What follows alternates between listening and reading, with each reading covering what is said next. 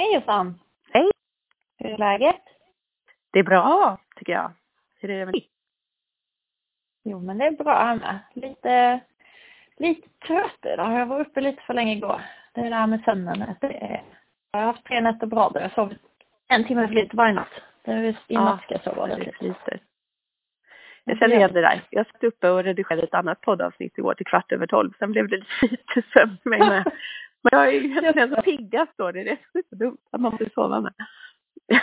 Ja, och ibland är man igång med någonting så är det svårt att sluta. Fast man vet Ja, att man borde gå och lägga sig. Ja. Ja, vi får ta igen det, det som kommer här. Mm. Idag ska vi ju prata om barn i förskolan. Vad har du för egna erfarenheter lite kring det? Eh, jo men dels har jag ju egna erfarenheter från mina egna barn. Men sen har jag jobbat i tio år också på förskola. Så det är klart att jag har erfarenheter och upplevelser från det också som jag har varit med om. Men jag tänker att alltså som, som högkänslig eller för högkänsliga barn så kan det vara en väldigt stor förändring i livet, det här med att börja på förskola. Det kan ju såklart vara för alla barn, men kanske lite extra för högkänsliga barn med separationen från föräldrarna och sådär.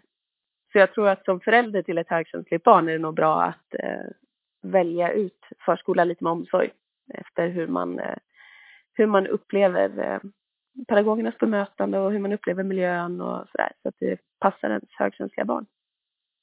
Just det, och ett eh, kriterium är ofta att man kanske inte vill ha allt för högljudd förskola eller ett med för många barn. Det är inte alltid så lätt. Men just att man kanske ska vara där, precis som du säger, och, och känna in lite hur stora grupper det är och hur lokalerna är ordnade och sådär. Om det finns kanske små rum, pysselrum och sådär. Och en annan Mm, sak kan ju också vara fint är att prata med förskollärarna och kanske berätta lite om högkänslighet om man känner sig trygg med det. Och eh, just se hur de reagerar kring det. Ja, det, är- det är bra. Eh, Pejla av läget lite där. Men det Mm. jag tänker också det här med miljö är ju många gånger de förskolor som byggs idag är ju, byggs ganska öppet. Alltså kanske ofta med, med något gemensamt stort rum och torg eller vad det kan kallas. Där eh, man kanske leker från flera, flera avdelningar samtidigt eller där man äter mat från flera avdelningar samtidigt. Och en sån miljö kan ju också bli ganska rörig, framförallt för ett högkänsligt barn. Och sen är det ju många gånger kanske inte så många smårum. det är kanske ett större rum och två lite mindre rum. Men mycket så här glasfönster för det ska vara öppet, man ska kunna ha, du vet, titta in överallt och sådär som vuxen och ha koll på barnen. Mm. Och det blir ju också intryck från alla möjliga håll och kanter för barnen. Så att, eh, ehm, ja, ibland kan jag faktiskt till och med tycka att de här lite äldre lokalerna kan, kan vara lättare liksom mm, för barnen att liksom hitta någon lugn på något sätt i leken. Att det inte blir riktigt lika stimmigt och lika mycket intryck så. Och sen tänker jag på att det som kan vara bra i de här större rummen är just det här med att försöka skärma av med vissa skärmar så man kanske kan skapa rum i rummet och sätta upp mycket textilier och sådär också så att det dämpar ljud och sådär. Mm. Det Precis. kan vara lite tips för Mm. miljöerna. Och sen är det så mycket också, tänker jag det här vad, vad man möts av när man kommer in på förskolan. Hur hallen är. Alltså är den inbjudande eller är det liksom starka lysrör och du vet, mycket grejer överallt på en gång. För att har man kanske lite lugn musik på, lite dämpad belysning och alltså få landa i lite lugn och ro där när man kommer till förskolan. Så skapar det också en, en, liksom en skönare känsla. Ja men verkligen. Och där sa du också någonting att det kan vara väldigt viktigt just att bli mottagen i kapprummet. Att det kommer någon pedagog och möter upp. Mm. Eh, Just förskolan är ju den första upplevelsen av separation från dig oftast. Den dagliga separationen. Och det, det vill man ju att de ska ha så goda erfarenheter som möjligt. Ja, men precis. Och sen spelar det så stor roll också hur som förälder är och vad man signalerar i det här med lämningen. Alltså vad man signalerar till sitt barn. Jag har ju haft eh, många föräldrar eh, då som, som har lämnat sina barn till mig där på, när jag har jobbat eh, på förskola. Ja, men en hel del föräldrar som, som har varit ledsna själva och kanske du vet, det har kommit någon tår och sådär. Och det är klart, det, det är ju mänskligt liksom, att man själv tycker att det är jobbigt. Mm. Och det är kanske ännu lättare att det kan bli så om man själv som förälder är högkänslig. Men allt sånt fångar ju barnen upp också. Så att det kanske är inte alltid ens de, de vet liksom om det är de själva som tycker att det är jobbigt eller att de fångar upp det från föräldrarna och då tänker de att det är jobbigt liksom. Så att det, det är också hur man som förälder agerar och vad man signalerar till sitt barn. Där nämner de också det här med i forskning och sånt att just när barnet har vant sig efter ett tag så är det bra att hålla avskeden lite, lite bestämda och mer glada och korta. Liksom att, precis som du säger, att barnet inte märker att det är något ambivalent hos dig. Mm. Men eh, det kan vara tufft i, i början såklart. Men det kan vara fint att prata om separationen med barnet så att det, separationen inte kommer som en överraskning utan man eh, också som du säger att man liksom pratar om det i en känslomässig ton till barnet så att man är, att man är saklig och inte liksom uttrycker det här att man är väldigt ledsen och förfärad för då märker de ju direkt det. Mm.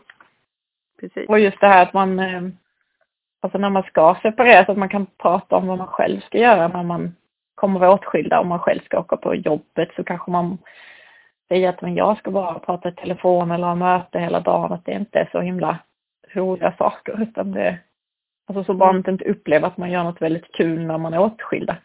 Nej men precis. Det har jag upplevt varit lite svårare. Dels eh, med mitt äldsta barn då när jag skulle vara hemma liksom med lilla syster. Så här, ja men nu har du det bra på förskolan, ska jag gå hem. Då var jag ju bara där 15 timmar per vecka men ändå. Då visste ju han att jag skulle hem. Och samma senare när jag var sjukskriven för utmattning. Då visste ju också barnen att jag åkte hem igen. Och då tyckte de eh, att separationen var jobbigare. Alltså det var en annan sak när de visste att jag skulle till jobbet. Liksom. Men när jag skulle hem igen så blev de ännu mer så här, åh nej, jag vill också. Mm, jag känner igen det där. Jag har varit med om Mm. samma sak. Mm. Och sen, eh, sen är det ju det här med just hur man funderar ju alltid på hur länge ska de vara på förskolan och var ska de är och så. Och då vet jag många som kanske går ner då, vad vi själva har gjort en period, man kanske går ner till 75-80% på jobbet och sen så gör man så att man kanske tar ledigt mitt i veckan, till exempel onsdagar, för man tänker att det är bra att ha en pausdag. Men det kan också vara tuffare för högkänsliga barn att eh, ja, men de tycker om rutiner ju ofta. Jag har upplevt att måndagarna i vår familj är tuffare än de andra dagarna för då har haft en helg, man har varit hemma och varit tillsammans och då ska allting igång igen. Och då kan det bli Samma. Ja, det kan bli överstimulering på morgonen och utbrott och sådär. Men Mm. att man sen, när man är inne i rutinen så går det lite lättare. Men om man då Mm. är ledig på onsdagen så upplevde jag att jag helt plötsligt fick två måndagar. Jag fick både måndagen och torsdagen som blev en måndag. Och det var nästan tuffare. Ja. Och att det då kanske hade jag gjort om det sen och tagit kortare timmar varje dag och spritt ut i så fall. Mm. Ja, Det kan ju vara en sak. Och... Men sen kan man också tänka på det här med att när de ska lämna hemmet och till förskolan så kan det vara fint att ta med sig någonting hemifrån, någon trygghet just. Man kan, rekommenderar ju ofta att man kanske har något gosedjur men det behöver inte vara det. Men just att ha någonting hemifrån som påminner om hemma. Mm. Påminner om, påminner om föräldrarna eller om någonting från deras rum eller, eller så. Många gånger har de ju kanske någon sån här liten fotobok med bilder liksom på sin familj och sådär. Och det kan vara både Mm. lite bra och samtidigt svårt. För att för vissa barn kan det vara en jättetrygghet. Men vissa barn Mm. blir ju ännu mer ledsna när de då ser bilder på mamman och pappan och syskon och så. Mm. Precis. Eh, att man låter av lite om de liksom mår bra av att titta i boken just då eller om man ska försöka avleda och hitta på någonting annat. Vad som kan Mm. hjälpa för stunden. Jag kan också, det här med att man kan ha en liten speciell hejdrutin kan också hjälpa att de vet liksom att vi brukar alltid göra det här när vi säger hej då. Och då, då vet jag min man stötte på en eh, mamma som gick baklänges upp för en backe utanför förskolan och backade upp för en backe. Och han tittade lite konstigt på henne och hon sa Ja, hehe, det här är en liten rutin som vi skulle börja med och nu måste vi fortsätta med den här. Och då var det liksom, nej, då var det ju liksom barnet vänt, vant sig vid att hon skulle komma ner, nergående från den här backen och vinka hela backen. Så då gjorde hon det varje dag och backade upp för den här backen. Så att, eh, ja, de skrattade lite och, och han sa att ja, jag vet hur det är liksom. Det var lite roligt. Mm. Mm, Ja men just det där med, med speciella rutiner vid lämningar och sånt, det känner jag igen också. Eh, Att det skulle vara på ett visst sätt och det skulle vara i samma fönster varje gång och ibland glömde man ju som förälder av det där och då kunde man ju få något sms eller vet så sen att åh du Mm. glömde att vinka. Kanske pedagogerna Just skrev jag bara nej. Oj. Så det där är, ja, det är viktigt. Och det vet jag också med mitt ena barn då framförallt, som ofta var ledsen vid lämningarna. Då frågade ju liksom många av de andra kompisarna varför är du ledsen hela tiden och varför gråter du varje dag och så där. Det också blir en jobbig grej att man hamnar i fokus. När det dels är jobbigt med separationen men sen dessutom att man får uppmärksamhet för det och kanske tycker att det är lite jobbigt och lite pinsamt och sådär. Så att det är bra om man kanske försöker att på något sätt att, att det barnet kanske får lite, lite tid ensam eller inte behöver vara precis kanske där, där alla de andra är och vinka utan att man kan få lite Mm. en egen stund liksom. Ja, och sen tänker jag på det här med att det kan ju vara väldigt tufft om de gråter när man lämnar och att man, alltså man själv kan ju ta med sig det till jobbet och det känns ju rätt tufft men då kan det ju vara fint att ringa då och, eh, och kolla med förskolepersonalen, antingen be dem eller om man får lov att ringa själv och bara höra om, om då gråten har slutat efter vid fem minuter så det är oftast ingen fara. Men, eh, och, och, att, och att man kanske ser också sen hur har de haft resten av dagen? Är det ett glatt barn som jag hämtar? Det brukade jag skicka ibland som pedagog också sådär. Om jag visste att det har varit en jobbig lämning så kunde jag skicka ett sms eller lite bild på barnet eller så efter en stund när allting var lugnt igen. För att jag visste det att som förälder så bär man det där med sig. Och det är kanske inte alltid som man känner ja, att man vill skicka sms eller ringa och fråga förskolan. Att man kanske känner att man är liksom påträngande eller tar tid från annat för dem och sådär. Men eh, antingen brukade jag uppmana dem till att göra det, att du får gärna höra av dig och kolla efter en stund liksom, hur det har gått, för det brukar gå över fort. Eller så brukar Mm. jag skicka något. Så det brukar vara uppskattat av föräldrarna. Det fick jag också ibland av mina pedagoger. Jag sa verkligen till om det, att det är så himla fint när ni gör det. För man känner sig så lugn och trygg då helt plötsligt. Ja, men särskilt kanske om man får någon liten bild eller sådär. Ja, nu sitter barn Mm. här och gungar och du vet, alltså skrattar och nu är allting bra igen. Så, så var ju det en helt, helt annan känsla som förälder att bära med sig liksom under dagen. En gång jag lämna min dotter när hon var liten då på förskolan och då det blev lite missuppfattning för att det var en pedagog och några barn i hallen när jag lämnade henne eh, och vi sa hej då och liksom sådär. Men sen så gick de tydligen på utflykt så de gick iväg medan resten av gruppen som hon skulle vara med var längre in i huset och hade samling tror jag. Och det visste ju inte jag och de andra visste väl förmodligen inte att jag inte följde med henne in för jag tänkte att ja, men jag lämnar henne ju här i hallen. Så när jag var på väg ut till bilen sen så öppnade hon dörren och ropade bara Hallå, är det någon här? Och då trodde jag att mitt hjärta skulle gå i tusen bitar alltså. Så jag bara gick tillbaka på en gång och bara, nej men, står du här? Och då fick jag ju följa med henne in och så här, ja. Så att det blev ett missförstånd Mm. men, men där är ju ett exempel på en lämning som kan bli liksom jobbig både som förälder och för barnet. Men jag var väldigt imponerad av att hon var så, fast hon var så liten var hon ändå så handlingskraftig att hon bara, nej jag får ju öppna dörren här och ropa på någon om det inte är någon Ja. här liksom. Hon visste vad hon skulle göra i alla fall. Men där kan jag också känna att jag, med facit i hand nu, jag tänker tillbaka så hade jag nog sett till så att jag hade lämnat mina barn lite tidigare, kanske redan vid sju på morgonen och låtit dem äta frukost där. För att jag hade, de har nog haft lättare att komma till förskolan i, när det var lugnt och skönt. Och, ehm, och sen, jag upplevde att ibland att det var svårt när de kom in mitt i leken och de andra redan börjat leka. Och man kanske lämnade vid kvart över åtta och det, det var redan lek igång. Så var det svårare. Mm. Så det hade jag nog provat nu mer. Det är ju svårare om de kommer precis kanske vid halv tio vid samling eller sådär för då är ju oftast de andra barnen upptagna med annat och har redan hittat någon att leka med och eller att Mm. barnet då kommer in direkt till en fokus liksom, situation när det blir så här Åh, kommer du här nu? Och det blir väldigt uppmärksammat så. Så att det är lättare att bara lite försiktigt glida in liksom i på avdelningen och in i verksamheten eh, om man kan komma lite tidigare. Det tror jag också. Men sen upp, upplevde jag eh, mitt andra barn var lättare att lämna för att det ofta var ju, det var ju en trygghet där. Han visste att systern var där redan också. Att Ja, är där. på samma avdelning då eller? Nej, de gick på, men de gick på samma förskola så de var ju ändå Mm, okej. i samma stora delar av dagen. Ja, ja, men precis. Att det blir en trygghet. Och det gick lättare. Mm. Ja. För det är ju väldigt viktigt att de, att just högkänsliga barn ska känna sig trygga på förskolan. ja, det är ju verkligen A och O. Annars är det svårt att få någonting annat att, att funka liksom kring barnets vistelse där. Det måste ju verkligen vara tryggt först och främst. Men sen tänker jag också det här med hur man lämnar på morgonen. För om själv som förälder är lite stressad, då fångar ju också barnet upp det och blir ofta helt liksom, i spinn eller gör andra grejer eller får utbrott när man väl ska lämna eller det blir liksom fel. Och det, alltså det där är inte riktigt min bästa styrka, det får jag erkänna det där. Jag är lite för mycket tidsoptimist. Jag jobbar verkligen på det. och mm. lämna i god tid. Alltså inte så att vi brukar komma för sent.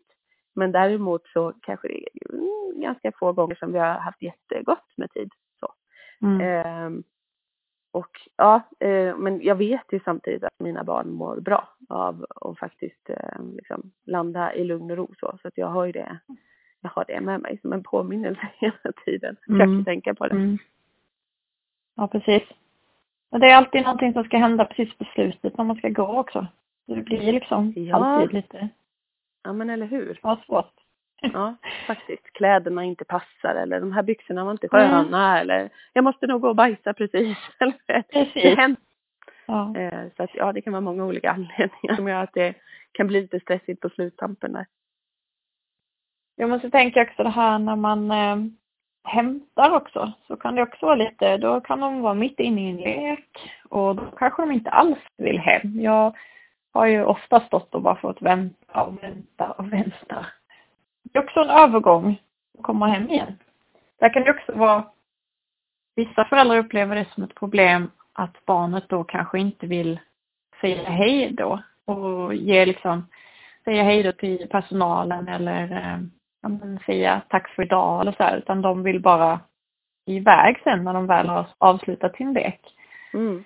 Och där har jag varit i kontakt med föräldrar som tycker att det är lite jobbigt det här med att barnen, de upplever nästan barnen då som oartiga, att personalen säger men vi som haft så kul idag, vill du inte säga hej då nu och, och sådär. Men det mm. handlar inte om det, det mm. handlar om att barnet jag tycker det är jobbigt med förändringar. Mm. Jag har mm. ofta tyckt att det varit jobbigt med, med framförallt mitt ena barn när vi skulle hämta på förskolan.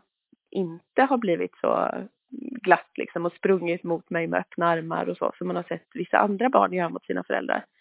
Eh, och då vet jag att jag har liksom dömt mig själv där ibland när barnen var små. Att så här, varför blir inte mina barn glada när jag kommer och hämtar? Varför blir inte mina barn glada vid hämtning? Varför liksom springer inte de in och, och i famnen och kramas många andra barn gör med sina föräldrar?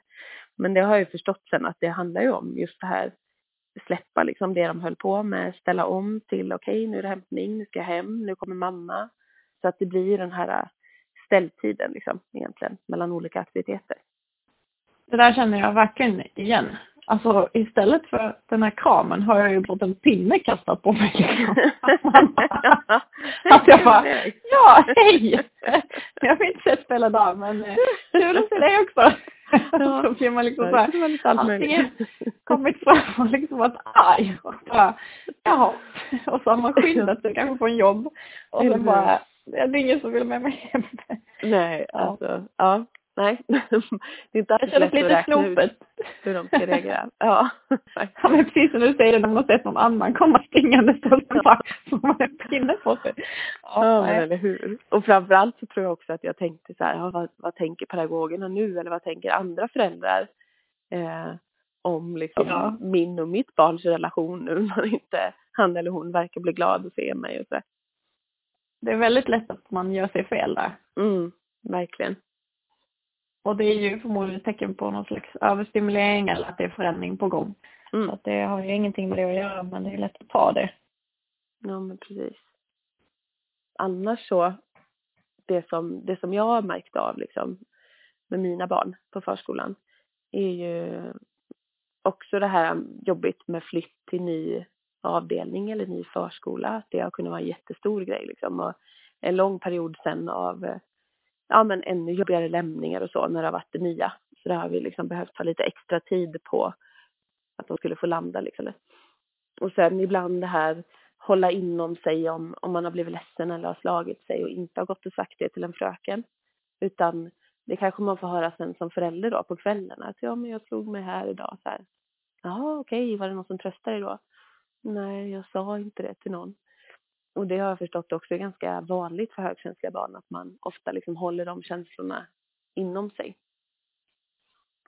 Ja, Eh, men och inte precis. alltid går att berätta liksom för någon då. Att man, att man behöver tröst.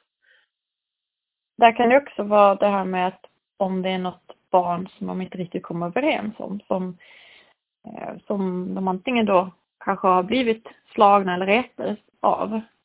Att det kan vara svårt också, de berättar kanske det när de kommer hem sen, men att just ta det med pedagogerna och att eh, det kan vara svårt ibland för högkänsliga barn att vara tillsammans med de som är antingen extremt icke högkänsliga barn eller kanske barn som är väldigt stressade i sitt beteende. Mm. Och att det kan vara väldigt traumatiskt för ett högkänsligt barn att umgås med de barnen. Och att man då, om man hör sitt barn prata mycket om något annat barn som det inte funkar med, att man just vågar ta det med pedagogerna och försöka förklara att man kanske kan få leka lite åtskilda och så om man inte... Jag vet även några föräldrar som var med om att deras barn hela tiden blir upplyft av ett annat barn som var mycket större och runtburen liksom. Och att den här, jag tyckte det var väldigt obehagligt.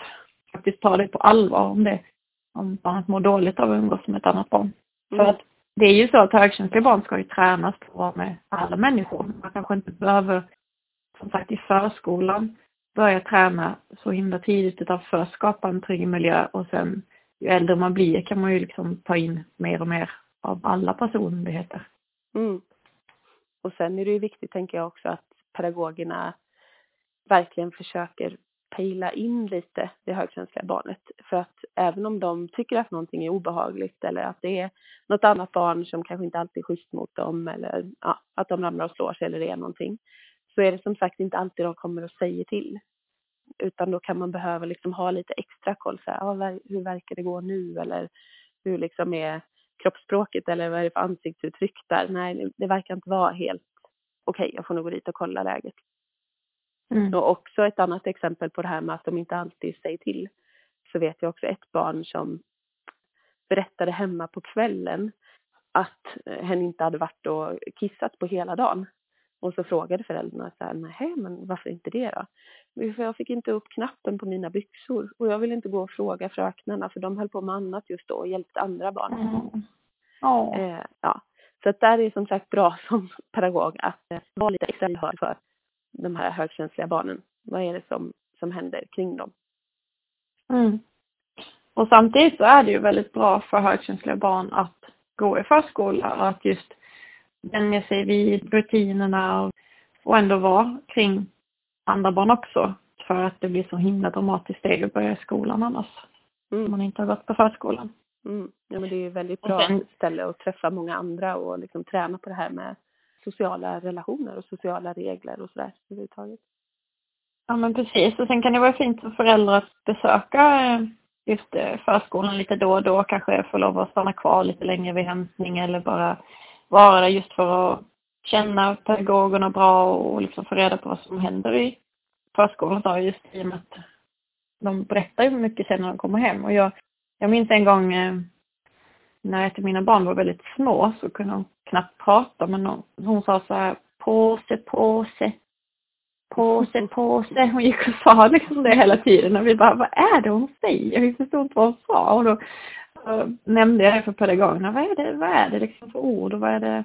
Och de bara, jaha, ja, men vi har ju en sån här lek där vi sitter på samlingen med en liten påse i handen och så stoppar vi i roliga saker i den och sen så sjunger vi en liten sång och så får något av barnen öppna den här påsen och hon älskar den här leken så hon gick bara omkring hemma och bara sa påse, påse. liksom. Ja, men de bearbetar ju verkligen det de har varit med om under dagen och det är ju bra om man som förälder kan ha lite förförståelse för vad det är de Ja, berättar. precis. Särskilt när de är så små så att de inte har så mycket språk själva. Ja men verkligen. Och sen tänker jag också just det här äh, med inskolning och, och som sagt när man kanske ska välja förskola till sitt barn och sådär. Att man också känner efter lite själv. Är det här ett ställe som jag hade mått bra av att vara på åtta timmar om dagen? Kan jag begära Mm. det här om mitt barn? Och framförallt om mitt högkänsliga barn. Så det är lite så bra måttstock. Jag vet en förälder som eh, hade hört sitt barn säga då, eller berätta hemma att, eh, att han tyckte att det var så stökigt på förskolan och det var så mycket ljud och nej, det var mycket så här brottningslekar och stök och stoj och sådär. Eh, så han tyckte att det var ganska jobbigt att vara där.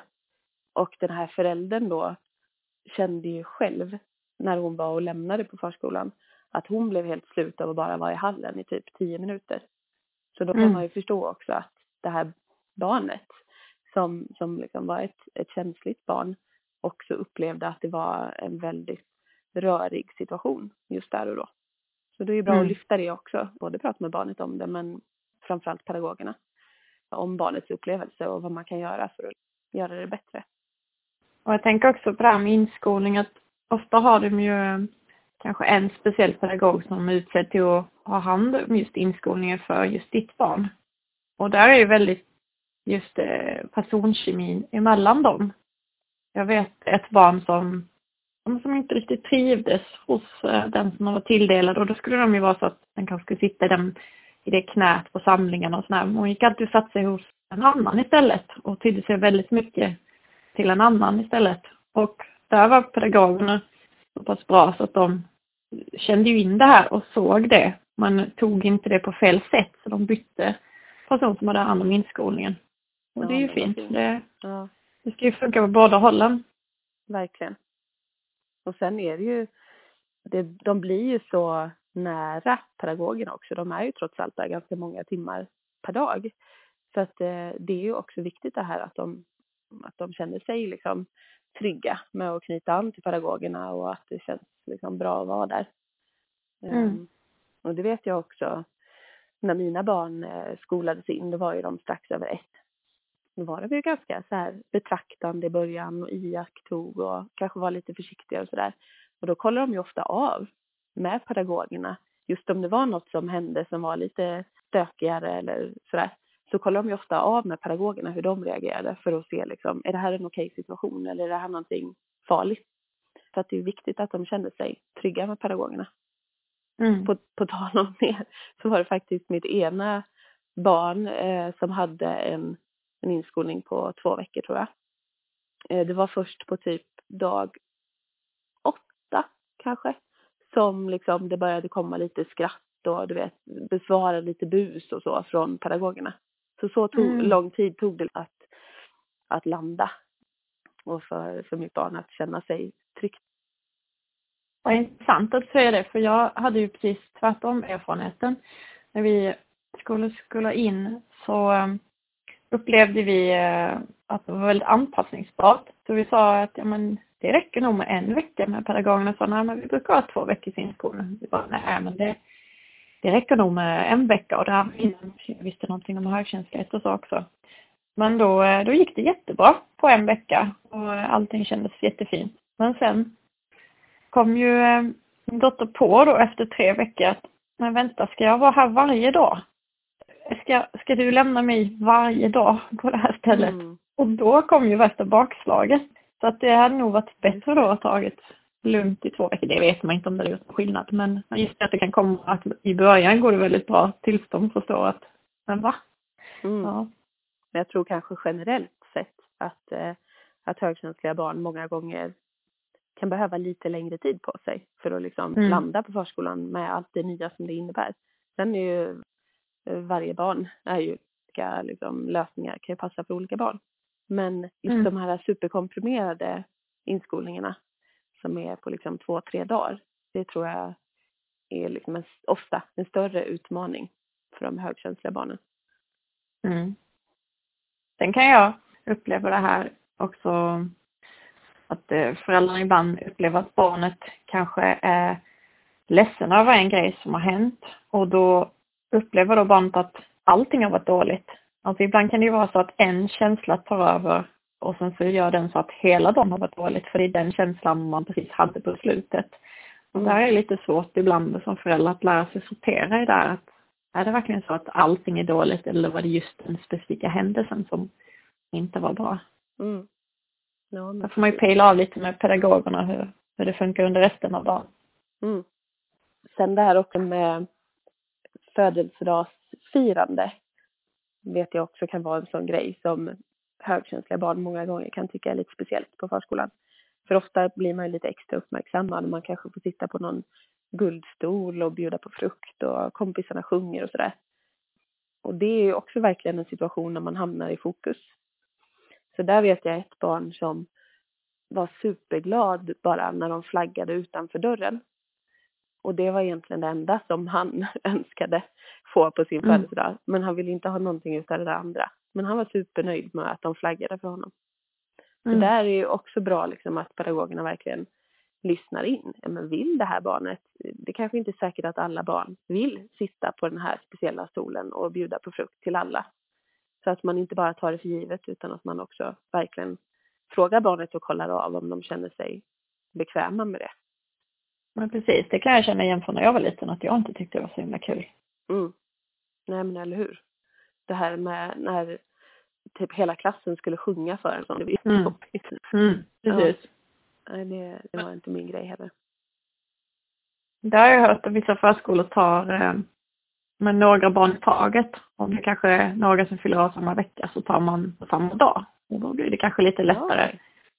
Men visst, sen kan det ju vara vissa barn som då tycker att det är härligt att ha sin egna dag. Så att eh, det här är ju lite svårt för. En avvägning där. Precis. Mm. Men jag tänker att vi kan avsluta med lite bara viktiga grejer att tänka på kring det här med inskolning och eh, förskolevistelse för högkänsliga barn. Först och främst tänker jag det här med att man är flexibel i inskolningen och släppa det igenom det utan att det lite får ta den tid det tar. Och det tar olika lång tid för olika barn och att man också försöker att förklara för pedagogerna kring eh, hur ens barn är och eh, vad ens barn behöver helt enkelt för att känna sig trygg. Och sen är det också viktigt det här med en trygg anknytningspedagog. Någon som verkligen tar emot och, och ser barnet. Sen kan det vara lite sårbart om det hänger på bara en person. Men det kan i alla fall vara bra att ha någon eller ett par som barnet kanske tyr sig lite extra till. Och sen är det viktigt det här att ge barnet ställtid och möjlighet att iaktta innan de går in i någon ny grej. Och också det här möjlighet till att sova på dagen är viktigt. Eh, jag tror att vi har tagit upp det tidigare också, det här att högkänsliga barn är lite känsligare för det här med sömnbrist. Så det kan ju också annars vara en bidragande faktor till, till överstimulering. Om det har varit fullt ös på förskolan hela dagen och så ska de precis sluta och sova så kan det bli väldigt tufft. Så att eh, ja, vissa barn behöver kanske sova längre upp i åldrarna än andra barn. Eller åtminstone ligga och vila en stund. Mm. Sen i den här sensitiva barn som eh, bland annat Märta-Louise har skrivit så står det om att tvåårsålder ungefär brukar vara ganska lagom för högkänsliga barn att börja förskolan. Sen är det såklart individuellt också. Men eh, då har de ändå gott om tid på sig där innan att verkligen knyta an till sina föräldrar och, och de närmsta innan de sen då ska knyta an till ännu fler och, och få ännu fler relationer då på förskolan. Mm. Ja men det var ju bra tips du avslutade med där.